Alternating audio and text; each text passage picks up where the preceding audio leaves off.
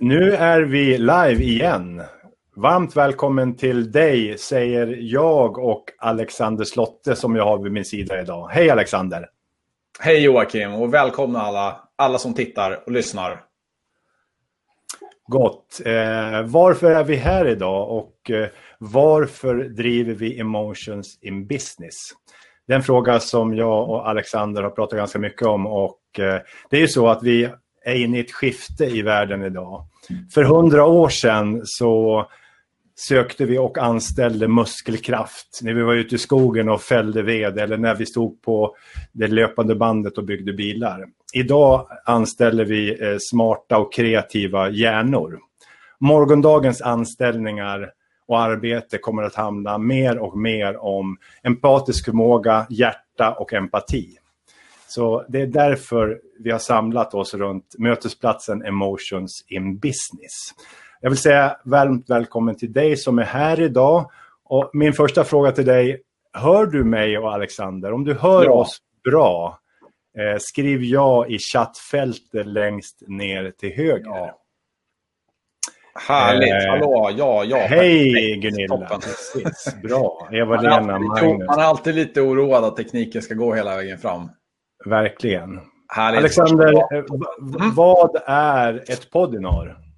Vad är ett poddinar? Ja, det är alltid lite påfyndigt att hitta på någonting nytt. Men det finns faktiskt en baktanke med det också. Eh, poddinars är, är ganska populärt idag.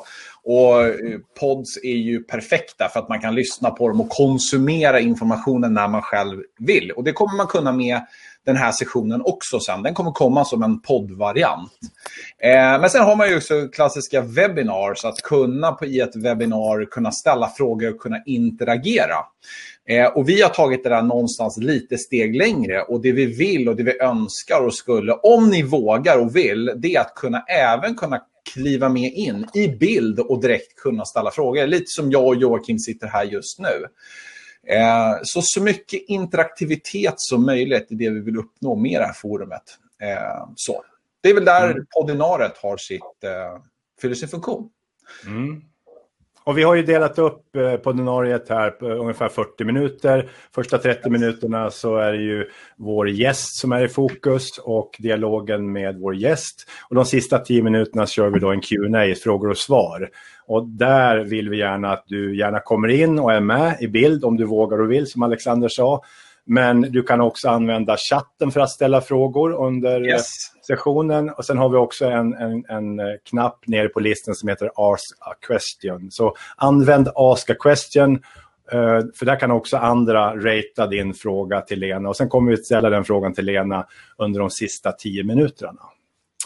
Bra, okej. Okay. Mm. Då börjar vi närma oss ett introduktion av vår gäst idag.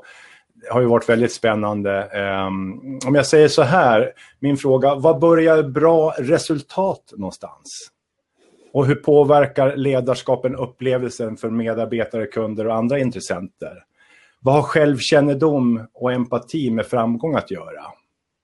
Eh, idag då på årets andra Emotions and Business livestream så välkomnar vi entreprenören, KBT-terapeuten, författaren, relationsexperten Lena Gustafsson, grundare av Good Relations och Styrelsebalans. Lena har utöver sin bakgrund som kognitiv psykologi erfarenhet som journalist, chefredaktör på Bonniers. Hon har startat upp två egna företag och har rådgivit ett stort antal verksamheter i en rad olika branscher under uppstart, utveckling och avveckling. 2015 eh, kom Lena ut med sin första bok, Bortom glastaket, där hon intervjuade 25 framgångsrika kvinnor inom näringslivet och fått fram egentligen sju nycklar till framgång. Vad är det som gäller? Och hennes andra bok som hon var aktuell med här nu i höst, 2018, eh, eh, handlar om eh, den, den, frågan, har mannen någon framtid?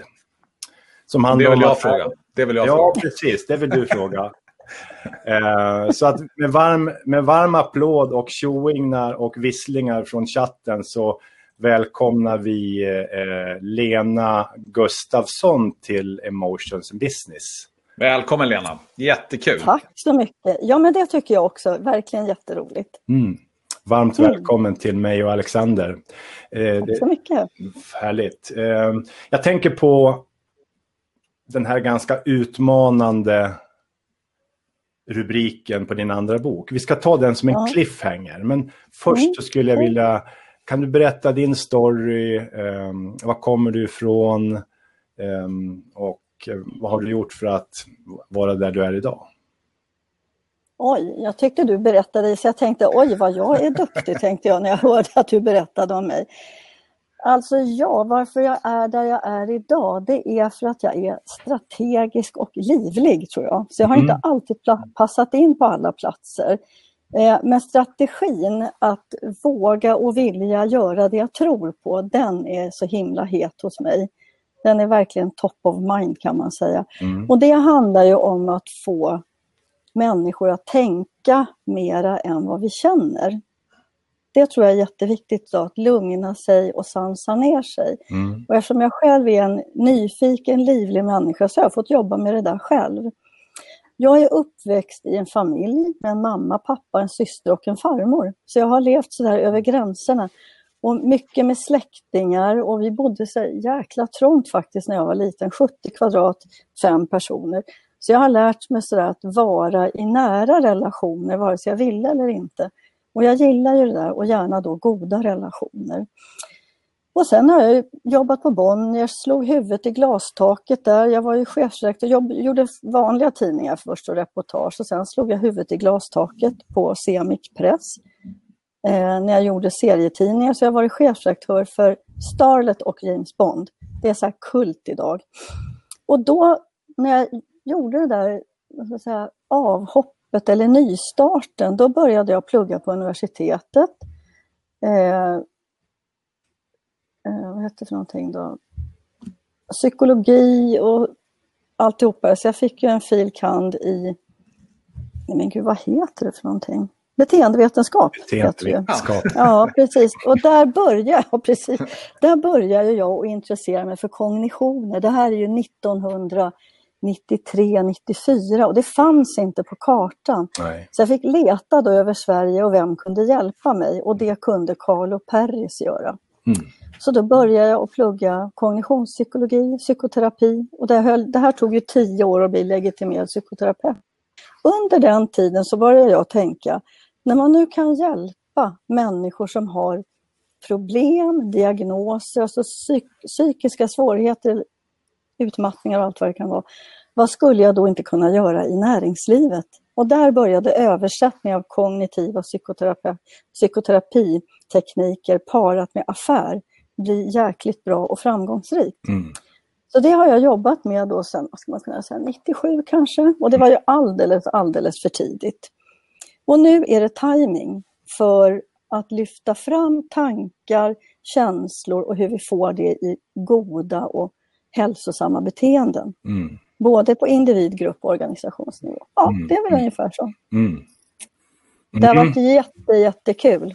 Jag Inte det. alltid smärtfritt kan Nej. jag säga, men roligt. Nej, det kan jag tänka mig. ja. Precis. Man pratar mycket om balans och det, det brinner ju du också för. Eh, du har ju två minst två företag du har startat, Good Relations mm. å ena sidan och Styrelsebalans å andra mm. sidan. Mm. Vad, vad, är, vad är tanken och känslan bakom Styrelsebalans? Eh, ja men det är ju att skapa, vara med och bidra till alltså ett balans i ledningar och styrelser. Det är ju inte bara kvinnor och män, framförallt så är det ju kompetenser idag. Hur ska vi få en bredd i kompetensen i styrelsen så att företag kan skriva sina egna direktiv, att man kan jobba efter dem ha en riktigt tydlig linje och då behöver vi fler kompetenser, både kvinnor och män med olika kunskapsbakgrund. Mm. Det skulle jag verkligen vilja säga är den riktiga mångfalden. Det handlar inte om vilken, vilket land vi kommer ifrån, var man är uppväxt eller vilken hudfärg, utan det handlar om vad har jag lärt mig? Mm. Vad kan jag komma med till styrelsebordet eller ledningsgruppen eller vad jag nu har för uppdrag. Mm. Så det jobbar vi jätte, jättemycket med och mm. Eh, skapar olika mötesplatser, styrelsebalansdagen, styrelseinkubator där vi resonerar just om de här frågorna. Hur ser framtidens styrelser ut och vilka kompetenser behövs? Mm. Och då ser vi att styrelse, det kan vara på väldans massa olika sätt. Det kan vara ideella föreningar och stora bolag. Så spridningen är stor. Mm. Men det gäller ju att hitta vad är tanken bakom bolaget? Vad vill man för någonting med det här företaget? Ja. Och då behöver man ha balans på många olika sätt. Mm. Vad är största utmaningarna där, tänker jag då, när det kommer till styrelser, sätta styrelser? Vad, vad upplever du är de stora utmaningarna? Jag tror att det är, ja det beror på vilka bolag man pratar om, men generellt sett så är det ju att hitta rätt kompetens jag, våga genomlysa den styrelse man har. Sammansättningen, hur ser den ut? Hur har man sammansatt de här olika, ofta tror jag går på person, alltså vi känner någon och så väljs vi in. Istället Ja. för att titta på, här är ägardirektivet, här har vi styrelsen, vilken VD ska vi ha, vilka kan vara med och jobba i den här styrelsen för att skapa Mm. framgång. Inte bara pengaframgång utan varumärkesframgång. Och en bra, en bra plattform att jobba på så människor trivs och inte blir ghostade eller utslängda eller inslängda. Det är väldigt viktigt det där med vilka jobbar i styrelsen. Och vad det gäller oss så sitter man inte i styrelsen utan man jobbar där. Jag jobbar där. Bra. Det är en skillnad. Ja, det är. Jag tänker på, Ja, det här blir den första interaktiva frågan kanske till vår publik idag. Mm. Eh, vad, de, vad de ser, vilken kompetens behöver framtidens Mm. styrelse och ledning? Använd chatten, skriv gärna vad du Mm. tänker, vad du tror. Eh, Mm. Alexander? Medan, och medan ni skriver där, så, du får rätta mig om jag har fel, du som är expert på det här, men vi människor tenderar ju, precis som du säger, att vi går oftast via nätverk. Vi går oftast via Mm. människor vi känner. Och Mm. därför så kompletterar vi inte korrekt i en styrelse. Så vi får Nej. inte den sammansättningen som är optimal. Men Mm. eh, är det någon typ av bias vi får liksom med oss? Vi, har, vi är programmerade på något fel sätt. För jag menar, vi Mm. människor någonstans, det här har jag hört, du får rätta mig om jag har fel, att vi Mm. människor vill vara med människor som är lika oss själva. Eller som vi vill vara som. Men man kan, jag förstår precis vad Ja, du menar. Och, och jag menar att det är någonstans där hamnar man i det här problemet. Att, sådär, eller? Mm. Ja, absolut. Mm. Ja, vi startade Styrelsebalans 2006 och har ju hört i alla år när vi då har börjat nå ut till olika kunder som använder vår verksamhet att rekrytera från vårt nätverk och själva är medlemmar. Mm. För, om man tar ett lit, för är man medlem i det här affärsnätverket Good Relations och Styrelsebalans, då träffar man ju personer som kan vara lika en själva i värderingar och ton och stil. Och här kommer grejen, men man har olika kunskap. Ja. Så man kan ju dras till personer som är lika i ett sätt att vara. Mm. Men man hittar då olika bakgrund. Och det är klart att vi, vi, som du säger, vi söker oss till människor som är olika eller totalt opposites attract. Mm. Och det är ju det här där som ni pratar om emotions i business, det är här det blir knepigt i organisationer och privatliv. Alltså vi är ju likadana. Och då har vi ju våra olika bakgrunder med oss och förutfattade meningar, bias, vi har hopp och förväntningar. Och när vi träffar en person som kanske sätter emot eller undviker eller på något sätt skapar och hittar en sårbarhet i oss själva, det är då det Mm. blir emotions på fel sätt. Ja. Och då är det väldigt svårt att driva affärer och ha goda relationer. Ni förstår, jag Mm. Mm. Mm. Absolut. och det är jätteintressant det där. Så därför så startar vi Styrelsebalans för att skapa ett nätverk med riktigt kompetenta människor som är sökbara av styrelser som vill prova något nytt. Och vi, ser, vi garanterar ju att de har rätt nivå, bra utbildning, bra kunskap. Vi tar referenser på alla, så det är liksom ett säkert sätt. Men som du säger, man söker sig där man känner till och det är därför det är så bra med det här öppna poddinaret, webbinarier, alltså internet. Vi kan göra oss kända för varann på Facebook och LinkedIn och överallt. Mm. Och då lär man ju känna varann. Exakt. Ja, och det är, tycker jag är, jag älskar den här nya tekniken som gör oss synliga för varann. Jag tycker det är så bra. Mm. Mm. Mm. Vad tycker ni? Nej, jag tycker det är fantastiskt. Jag sitter bara Ja. och, och, och klämmer på din boktitel som jag liksom inte kan riktigt... jag, må, jag måste få börja fråga.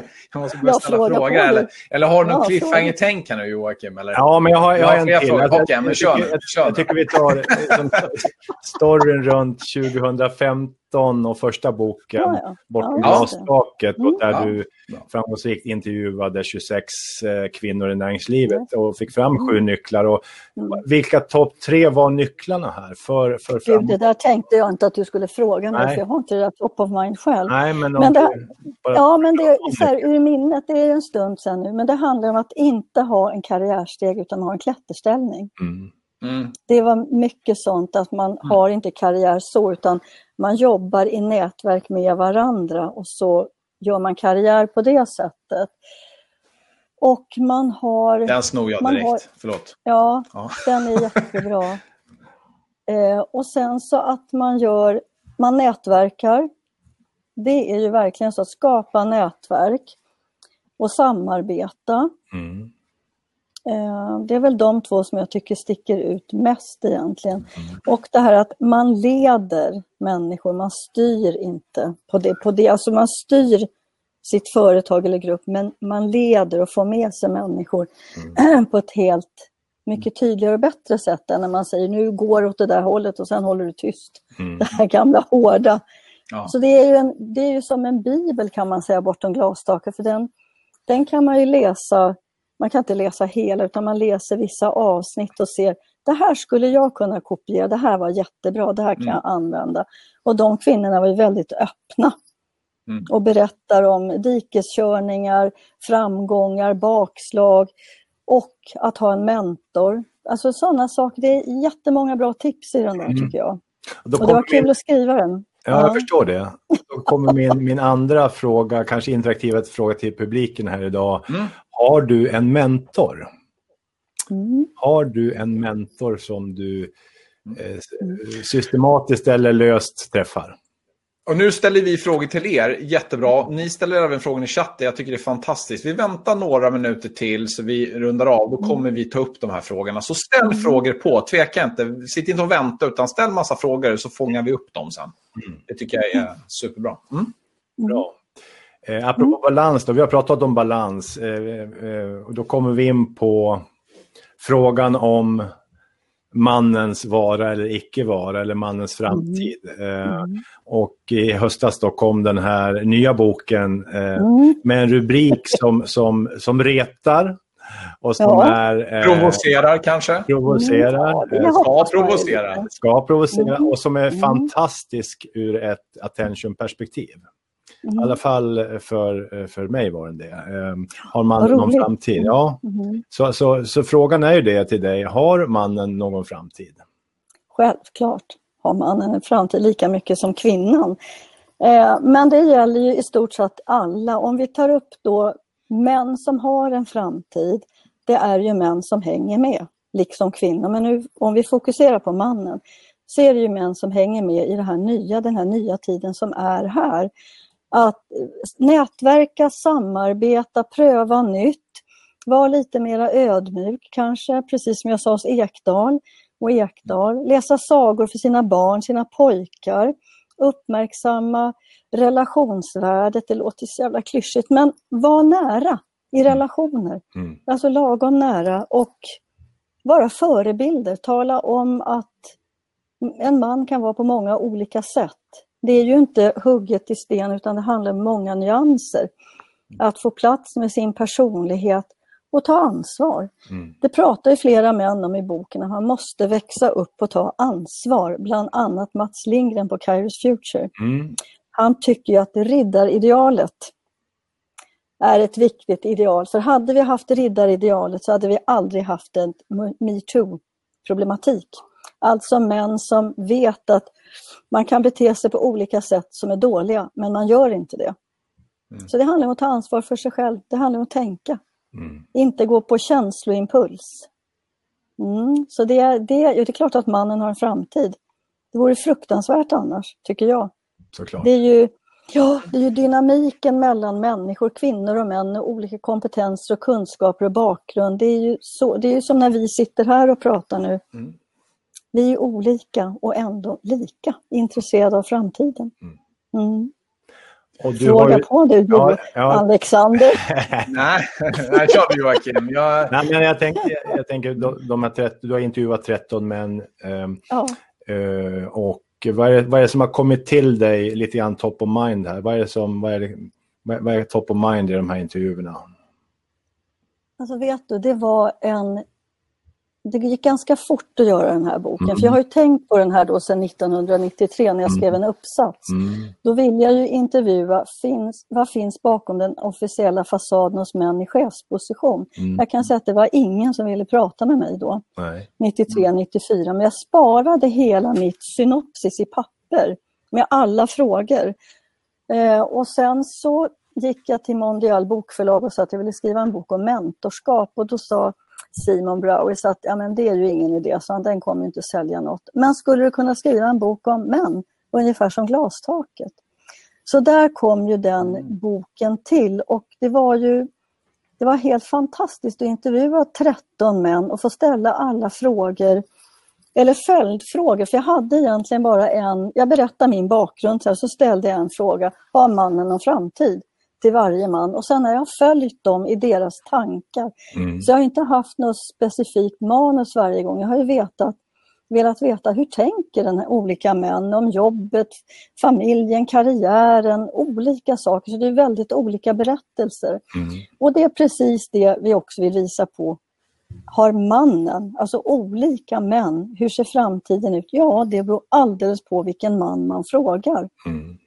Det skulle jag kunna säga. att och jag har lärt mig så mycket om de här 13 männens tankar, deras syn på ansvar, kärlek, livet, omtanke, hårda affärer, tuffa förhandlingar. Det som är livet. Så de berättar väldigt öppet. Så jag har frågat flera gånger, ska jag skriva det här? Ja, det tycker jag. Mm. Det tycker jag absolut att du ska skriva. Peter Graf som är VD på 1000 som jag känner ganska bra vid det här laget för han föreläser hos oss. Han sa att jag fick ju sparken rakt ut bara och det var en chock för mig. Men när, jag har först... när det där hade lagt sig efter ett tag då ringde jag upp min kompis på Danderyd eller Karolinska, jag kommer inte ihåg nu. Har du ett jobb till mig för jag har fått sparken?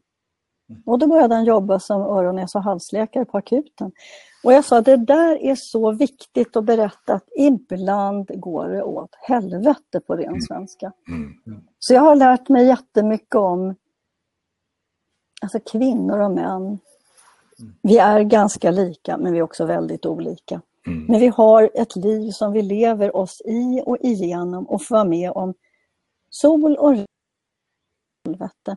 Mm. Och det är häftigt att män börjar berätta om sina himlar och sina helveten. Mm.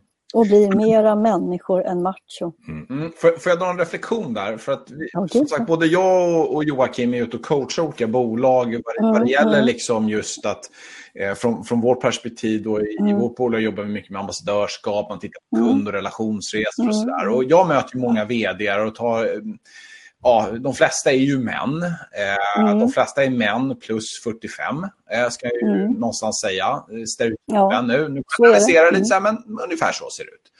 Mm. Eh, och, och, och, Sen kan man tycka om disk eller vad man gillar, om det är bra eller dåligt. Vi tog en liten diskussion innan hur disk är. Men grön, gul, röd och så vidare. Och då, mm. De är rätt röda personer, de är rätt framåt. Lite, det är rätt råbark, det är liksom pang på och sådär. Mm. Och där mm. märker jag just när man börjar gå på så här, okay, men vad, vad, vad, tror du att din vad tror du att din personal känner i det här läget? Eller kunden, vad känner kunden i det här mm. läget? Mm. Ja, men du vet, och då har man celltekniker och man hör, du vet, man har business-tänket. Liksom. Men det är så skalade business, för vi är så skolade på något sätt. Och det här märker jag liksom överlag. När man ställer frågan igen, lite som ett barn, man måste nästan dumförklara sig själv. Lite varför, varför, varför, ställa det fyra gånger. Nej, men varför, hur tror du att de känner? Men vad menar du? Nej, men känslan. Känner de sig arga, ledsna? Så helt plötsligt där, där märker man att där börjar det bli obehagligt. Mm. Och den här diskussionen är, jag vet inte hur du upplever det här när man går i den här diskussionen. Då, om man då, för jag, jag kopplar det här till att ha männen någon framtid och i synnerhet mm. då business. Mm. Jag tror att när tjänster och varumärken och allting sånt blir lika, vad är det som mm. egentligen skiljer? Det är där jag tänker. Eh, hur... Det var ingen konkret fråga, var bara mer Nej, men jag tror jag förstår vad du menar. Ja. Vad, vad är din ja, har... Alltså jag har varit i jättemånga olika, mest i stora bolag under 20 år och jobbat med självledarskap, ledarskap och handledning och coachning. Jag har varit med folk som har byggt stora bolag mm. och jobbat jättemycket nära ledare. Alltså många jobbar mycket individuellt med ledare. Och eh, de företag, tror jag, som kommer att lyckas och som lyckas, det är ju där medarbetare känner sig hemma. Mm. Alltså det finns inga bättre ledare än de som walk the talk, som är på golvet. Om man nu har ett kontor, att chefer, höga, alltså VD, chefer, ledare, styrelser är i verksamheten. Och syns och finns och är familjära, alltså professionella och personliga, lär känna vilka medarbetare som finns. För det här, vad ska man säga, framåtlutade slipsen på ryggen-stuket, det känns ju jätte 80-tal. Mm. De ledarna tror jag de kommer inte finnas kvar. Nej. Det ser man ju i Har mannen någon framtid? Alltså de ledarna, de är helt totalpasserade. Mm. De, nej, de kommer inte att få någon framtid tror jag. I alla fall inte i den moderna världen. Så jag tror att det här med när man pratar om känslor, det är ju... Man säger, jag tycker att vi behöver tänka, det är ju min absoluta grej, att tänka mera än vad vi impulskänner. Mm. För det är, ingen, det är ingen framgång i det heller. Det handlar om att hitta balansen inom sig själv. Hur funkar jag? Hur är jag konstruerad? Eh, och när jag gör så här, vad händer med mig och vad händer med min mottagare? Hur reagerar den och hur ska jag agera på det svaret? Så jobbar jag jättemycket i ledarskap så att man får lite, vad ska man säga, kunniga och avspända, coola ledare mm. som kan läsa framför allt sig själva. Mm. Folk tränar alldeles för mycket på att hålla på att läsa på andra hur de funkar. Mm. Det är därför det här med, alltså när man kategoriserar människor på olika sätt, det är helt värdelöst. Man ska fokusera totalt på sig själv först när man får sitt ledaruppdrag. Vem är jag? Hur är jag konstruerad? Hur fungerar jag? Mm. Vad behöver jag ha mera av, vad behöver jag ha mindre av och vad blir framgångsrikt när jag övar, prövar och befäster det här i mitt ledarskap, i min organisation. Och som medarbetare förstå vem ska jag prata med i organisationen. Mm. Mm. mm. Du, du, pratar mycket Lena om um, ökad självkännedom, sårbarhet och empati. Vad, är, mm. vad, vad, har vi för män för, alltså om, om du pratar återigen kopplat till din... Om männen. Ja, om män eller de intervjuer, vad är det som kommer fram där? När är det självkännedom, sitt eget beteende? Eh, hur stort är mitt ego egentligen och hur påverkar det mitt sätt att vara och mitt beteende? Jag tror att både kvinnor och män kan ha stora eller små egon, men om vi går till boken så skulle jag säga att det här är män som kan beskriva att de har haft stora egon och hur de gjorde när de var yngre, vad det var som var viktigt då. Pengar, karriär och framgång bilar och allt vad det kan vara för någonting. Och sen när de har levt en liten stund så ser man att det är liksom inte det, utan det är hur jag beter mig. Så jag skulle vilja säga att de har stort fokus på att vara bra män. Närvarande. Och vi, om vi pratar lite om riskgrupper då så har vi identifierat två riskgrupper. Den ena är ju då 50 plus-männen som har gjort karriär och nu i den här nya tiden, ja hej Joakim, jag åker ut ur organisationer och inte har skapat sig något stort och bra nätverk utanför sitt eget bolag. Mm. Det blir jätte... För då får de kanske något avgångsvederlag och så räcker det ett tag. Och så funderar man, vad ska jag göra nu då? Och då har ens fru kommit igång med sin karriär. Ungarna är stora så de kör på stenhårt och gör karriär och männen tappar bort sig. Mm. Och vill kanske in i startupvärlden och då upptäcker de att det där förstår de inte alls med den nya teknologin. Eller vad, hur det arbetsområde, hur jobbar man idag tillsammans? Mm. Och det är ju en riskgrupp som man inte får tappa bort nu. Eh, och sen är det de här unga killarna som gamer, mm. vänder på dygnet, tappar bort sig där, inte blir så himla framgångsrika och duktiga i skolan, förstår inte varför ska jag plugga. Och tjejerna drar ifrån och det har ju tjejer alltid gjort, varit duktiga i skolan. Men det som hände sen och fortfarande händer i arbetslivet, även om kvinnor har bättre betyg, mera utbildning och mera kompetens, så händer det någonting där vi, när barnen kommer. Mm då har killarna ändå på något sätt skaffat sig eller fått de här bättre jobben och då blir det jättesvårt med konkurrensen. Mm, mm. Så riskmännen, killarna, det är de som gamer, spelar, tappar bort sig och de äldre killarna då som blir av med jobbet och inte har något bra nätverk. Nej. Mm. Det, det, kan, det är en tydlig grej i boken faktiskt. Ja, ja men det är bra. Mm. Då har vi pratat lite grann om, om probleminsikt eller mm. hur det ser ut. Mm. Vad, vad, vad, finns det för möjliga möjligheter och vad finns det för lösningar? För män? Ja, för män i de här frågorna. Jo, men det är att umgås mycket med kvinnor. Claes Hemberg brukar alltid säga att man ska umgås mycket med kvinnor, ha många kvinnliga vänner, ha kvinnor i sina nätverk, bredda nätverken, vara nyfiken. Mm. Mera nyfiken på det på framtiden än på dåtiden. Mm. När man har levt en stund så har man ju eh, ofta ett bra register av framgång och misslyckanden och lite allt möjligt. Men att leva framåt och att vara nyfiken på det här det som händer i världen. Att omvärldsbevaka. Jag upplever själv att jag tycker att det är jättekul att hänga med så brett som möjligt, lite om allt möjligt om man säger, för att förstå vad det är som rör sig i världen. Mm. Och där behöver män och kvinnor, men vi tar männen nu, de behöver verkligen öppna på ögonen och läsa på om allt möjligt. För att hänga med i de trender som kommer och inte vara så businessfokuserade bara. Det blir väldigt tråkigt att ha en sån enkelspårig människa i sitt företag eller i sitt privata liv. Square-headed är inte kul. Nej. Och du sa någonting... Säger Alexander något men det hörs inte. Nej, förlåt, jag ska lägga på hans... Hans mick var inte på där, men... Så, nu är min. Är ja, men nu. Ja, härligt. Jo, Alexander sa någonting. Eh, ja, eh, jag tänkte, du, du sa det här män som sitter framför datorn. Mm. Och då ryggade jag lite och tänkte så här, nej men det där vet inte jag om jag håller med om. Nej, men jag, Utan... pratar, inte, jag pratar om killar som gamer och vänder ja. på dygnet. Ja, och då tänker jag, vad, vad är det för riskgrupp med dem? Eh, sett de... utifrån övriga näringslivet eller för att de enbart gamer? Är det det som är grejen? Ja, alltså unga Inte att de skapar som... företag? Nej, nej, unga killar som sitter mm. hemma i gamingsoffan och inte ja. går till plugget, inte pluggar vidare, inte skaffar sig något jobb. Det finns en sån grupp. Mm. Och mm. den där gruppen uppmärksammade, blev jag uppmärksammad själv på förra, jag ska se nu, förra hösten. För då mm. kom det ganska många unga killar, för jag har ju en terapiverksamhet kvar och de var ju sådana som satt hemma och gameade. Ja. Man missar skolan, man går inte vidare, man blir liksom en hemmasittare. Ja. Och då har man sin värld i gamingvärlden och jag tror man kan lära sig jättemycket av den, absolut. Ja. Men man vill också ha den i den riktiga världen. För man kan ju se nu att om man kan leda bra, stora liksom, grupper när man gamer så kan man mm. översätta det till hur skulle jag leda i verkligheten. Men då måste man också vara i verkligheten. Då kan man inte absolut. sitta hemma i ja, men Det håller jag med om. Det var därför jag tänkte göra samma. Ja, men absolut. Det, det är en jättebra kunskap.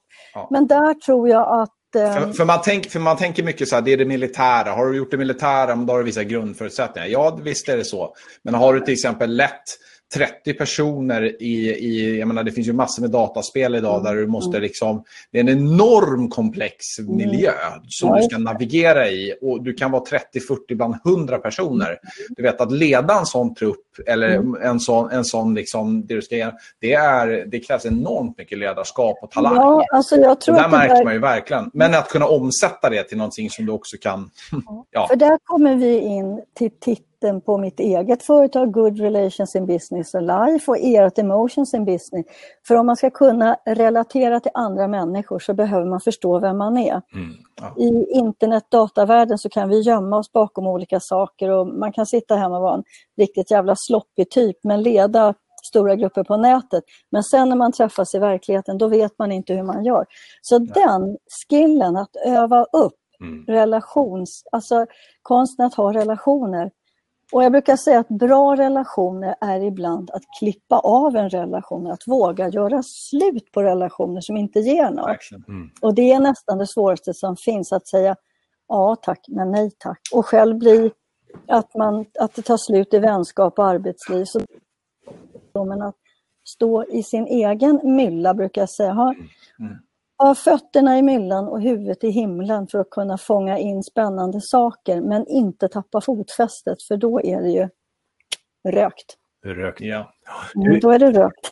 Intressant. Vi, vi, går in på, ja, vi går in på sluttampen här och kommer in på Ja. lite Q&A eller frågor. Jag har en, fråga, jag har en Ja. fråga till som jag skulle vilja ställa. För vi gjorde en liten för eh, green room här innan vi klev, eh, klev in och körde igång för, för alla samt det här. Och då slängde du ut en sån s- tittar ner på mina anteckningar här. Men det är verkligen 5 och 12-åringar som är ute och gör affärer. Nu, kanske, nu tar jag det här ur kontext, men jag tyckte att den var så rolig. Jo, så jag skulle man, vilja, kan kan du berätta det? För att jag gillade... jo, men man säger ju så här att there are no emotions in business. Och det finns ingen mer plats, tror jag, där det är just mer emotions. Därför att det, är- det står mycket pengar på spel, det är stora kontrakt eller små kontrakt.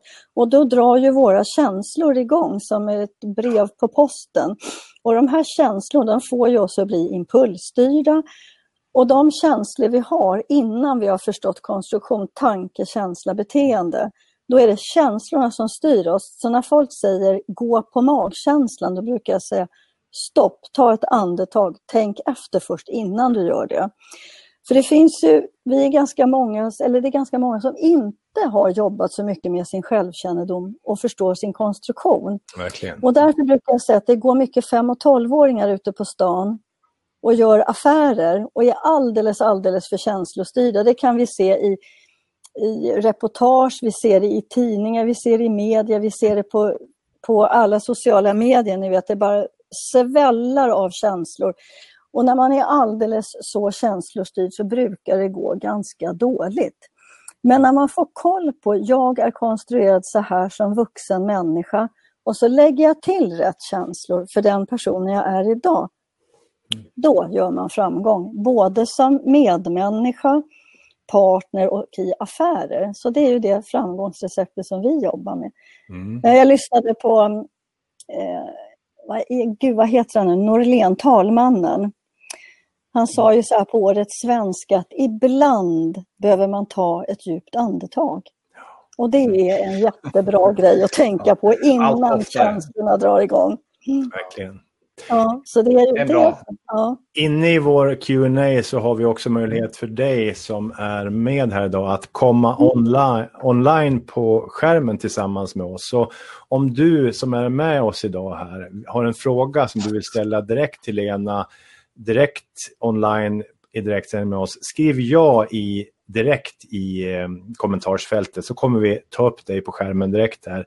Annars så ställer du bara din fråga där eller också så klickar du på Ask a question och ställer frågan där. Eh, vi har ju faktiskt fem frågor här. Jag tänkte om vi skulle... Ja, precis. Så den, den första eh, frågan, eh, eller frågan, det var nog fan mer en, en Anders Christiansen som skriver Intressant reflektion Alexander. Då har vi också eh, då har vi också det här med att vi läser om att snälla chefer når högre framgång. mm. Kommenterar Anders Christiansen. Vad tänker du där Lena? Absolut. Alltså snäll har ju fått en felkoppling, snäll och mesig. Det handlar om Mm. att vara vänlig och bestämd. Att jobba med vänlighet och värdighet. Mm. Att navigera sig själv och människor på ett sätt som gör att det, man gör bra affärer och är en vänlig människa. Mm. Det här andra, det skapar bara rädsla. Man får en tyst och jävligt livrädd organisation. De kanske gör resultat, men du kommer aldrig få något bra eftermäle eller vad man ska säga. Så du får inga bra referenser. Nej. Folk vill därifrån. Så det var precis så. Vänlig och värdig. Mm, det är bra. Ja. Nästa Mm. fråga är kopplad till varför tror du att så många företag saknar ägardirektiv? Ja, det är så intressant Mm. tycker jag. Det kan man verkligen fundera över och det skulle man verkligen behöva undersöka. Jag tror att när man startar ett företag som sen växer, förhoppningsvis då, så tror jag att man själv som ägare har i sitt huvud vad man vill. Mm. Men om man inte skriver, skriver ner ägarviljan, ägardirektivet, då blir det ju ganska svårt att dra åt rätt håll. Mm. Och där tror jag att det kommer nog med att styrelser sätter riktningen, vdn ska genomföra. Så det är en ganska snitslad, ostyrig bana. Det är lätt att köra på grund utan ett ägardirektiv. Ägarvilja kan man ju ha inne i sitt huvud, men att översätta den begripligt till sin styrelse. Det tror jag är jätteviktigt. Och det tror jag företag som man kan bara omsätta 500 000 gör ett ägardirektiv i alla fall. Mm. Mm. Så man lär sig från början hur ska man driva verksamhet. Exakt. Mm. För vi kan inte läsa Nej. andras tankar. Nej. Det är en total omöjlighet. Vi kan säga det också som, som eh, källa till den här frågan. Ja. Av Sveriges 420 000 företag så är det 405 000 av dem där är 6 av 10 utan ägardirektiv. Mm. Mm. Eh, precis, ja. hur skapar ni bra arbetsplatser och kanske vad, vad är en bra arbetsplats? Ställer Birgitta Törn frågan. Hej Birgitta Törn, vad roligt att få lära känna dig. Vi pratade om dig häromdagen, jag och Nej, vad sjutton heter hon nu då? Eva Boström. Ja. Det är en bra arbetsplats. Jag tror att en bra arbetsplats är den plats som har tydligt ägardirektiv, ramar, det här gör vi, det här gör vi inte. Tydliga spelregler eh, och framför allt det som, om man säger att det är 60 som inte har ett ägardirektiv så är det lika många som inte vet vilket uppdrag man har. Ja. Det vågar jag nog påstå efter så här många år, att man saknar uppdragsbeskrivning, vad gör jag på jobbet? Mm. Så jag tror ett bra företag, man har ägardirektiv, man har tydlighet, man har ramar, man har ett tydligt uppdrag och då kan man göra sitt jobb på ett bra sätt. Eh, när jag jobbade i praktikertjänst i många år sedan, då tog vi fram tio principer för ett bra beteende. Och det var en stor framgång i det. Mm. Så det är svar till dig Birgitta Törn. Mm. Bra. Mm. Kul. Gott. Eh, Anders Christiansen, sista två frågorna här innan vi avrundar är då kopplad till, är det skillnad på social kompetens på nätet versus IRL, alltså in real life? Gud vilken svår fråga. Jag, man kan ju spela social kompetens för mm. man kan ju prima och härma någon som man tycker verkar vara avspänd och härlig och bra. Och det där kan man leva länge på mm. i framförallt på nätet men också i verkligheten. Men den dagen det tar stopp, då, då funkar inte det där spelade och inövad utan ett, eh, ett, vad ska man säga, ett bra och framgångsrikt, om man använder det ordet, beteende, det måste man lära sig. Och vi kan lära oss att ha bra beteende, skala bort sånt som inte funkar och träna upp det som är bra. Mm. Mm. Så det är absolut men jag tror att det är skillnad. På nätet kan du ha, alltså det finns ju hur mycket som helst man kan syssla med på nätet utan att någonsin träffa en enda människa. Och det är olika talanger där tror jag. Mm. Mm, mm. Eh, Magnus Myrnberg har ett medskick här också. Eh, han skriver, mm. det är mm. konstaterat att stor datoranvändning på bekostnad av sociala interaktioner har givit en stor grupp av människor som har svårt att tolka mikromimik och därmed ja, har svårt att med det sociala spelet i en arbetsintervju och på arbetsplatsen, alltså den här mikromimiken, alltså våra x antal hundratusen muskler som, som, som, ja, som arbetar. Alltså den, det enda man inte kan ljuga med, det är ju mikromimik som vi kallar det för. Mm, mm. Eh, allt annat kan vi ljuga, vi kan skriva lögner och vi kan se så ut. Men när man kan läsa då beteenden och kroppsspråk och framförallt ansikte och det tar ju ganska lång tid att lära sig det. Men om vi tänker i vanligt vardagsliv, hur vi läser av varandras höjda ögon, känslor, det kommer man ganska långt på. Vi har faktiskt bara nio typer av känslor mm. att välja på och två är positiva, en är neutral och resten är laddade med lite negativa grejer och de där negativa upplevelserna, de får vi göra om. Så det är viktigt att lära sig det där att vara levande. Så jag menar botoxopererade face, de har noll mikromimik kan jag mm, säga. Mm. Och är det så vi ska leva avstängda, då kanske det är en framgång. Men jag tror inte alls det. Nej. Nej så det är en väldigt intressant fråga. Mm. Jättebra. Bra. Bra. Eh, Vad kul. Ja, ja eh, jag och Alexander eh, från vårt hjärta till dig tackar så hemskt mycket för din närvaro. Verkligen. Stort. Detsamma. Eh, Jätteroligt. Ja. Så... Man kan fortsätta hur länge som helst. ja, man kan ju det. Exakt. Ja. Eh, vi ska runda av lite grann, men, men tack så länge Lena och ha en fortsatt tack fin dag. Ja. ja, ni också. Ha det bra. Hej, hej. Tack. Stort tack. Hej, hej. Okej okay, Alexander, det går fort när man har roligt. Det har redan gått ja, det gör det. 45 minuter. Det går undan. Ja. Mm. Jag tänker på eh, lite grann, det här var ju 02an, 03an, det vill säga Emotions mm. Business 03. När kommer den? När kör vi den? Då ska vi se, det var 29 va? Sa vi inte det? Nu tog du mig på ja, sängen. Men, ja, men den 29 mars, det stämmer. Det. Ja. Eller hur? Bra, 29 mars, då kör vi. Då kommer vi att få prata med eh, Jonathan Kirby som är eh, medgrundare till Livit. Ett bolag som har gått från 0 till 100 miljoner och ett eh, framgångsrikt, mycket, det mest framgångsrika bolaget inom upplevelseindustrin. Eh, och är det någonting vi kan snacka emotions så är det ju där. Så de har byggt hela sin affär på att vi människor ska konsumera deras produkt och känna en massa härliga känslor. Hur tänker man där? Hur bygger man det här? Och, och vad är framgångsfaktorerna och vad ser han att eh, hur mycket det här spelar in på hur vi interagerar som människor. Det här ska bli superintressant att mm. och bolla tillsammans med Jonathan nästa gång då vi kör 03. Ja. 003. Jätte, jättespännande, 003. Och sen frågar Eva-Lena, kan man få ta del av ettan? Ja, eh, vi kan kopiera länken direkt här Absolut. Um, Undrar om David Craig, ska vi, ska, är det inte han som kör James Bond då? Kan, ska han vara med på 007? ja, precis. Ja. Han var lite funny, funny guy. Ja, ja, men det är bra. Absolut. Ja. jag ska ehm, se till om jag kan fixa det. Ja, du som vill eh, få prenumeration också på när vi går live. Eh, uppe på listen till höger här uppe så finns det en follow-knapp. Om du klickar på den så kommer du få också en notering när vi går live. Du kommer också få en inbjudan såklart.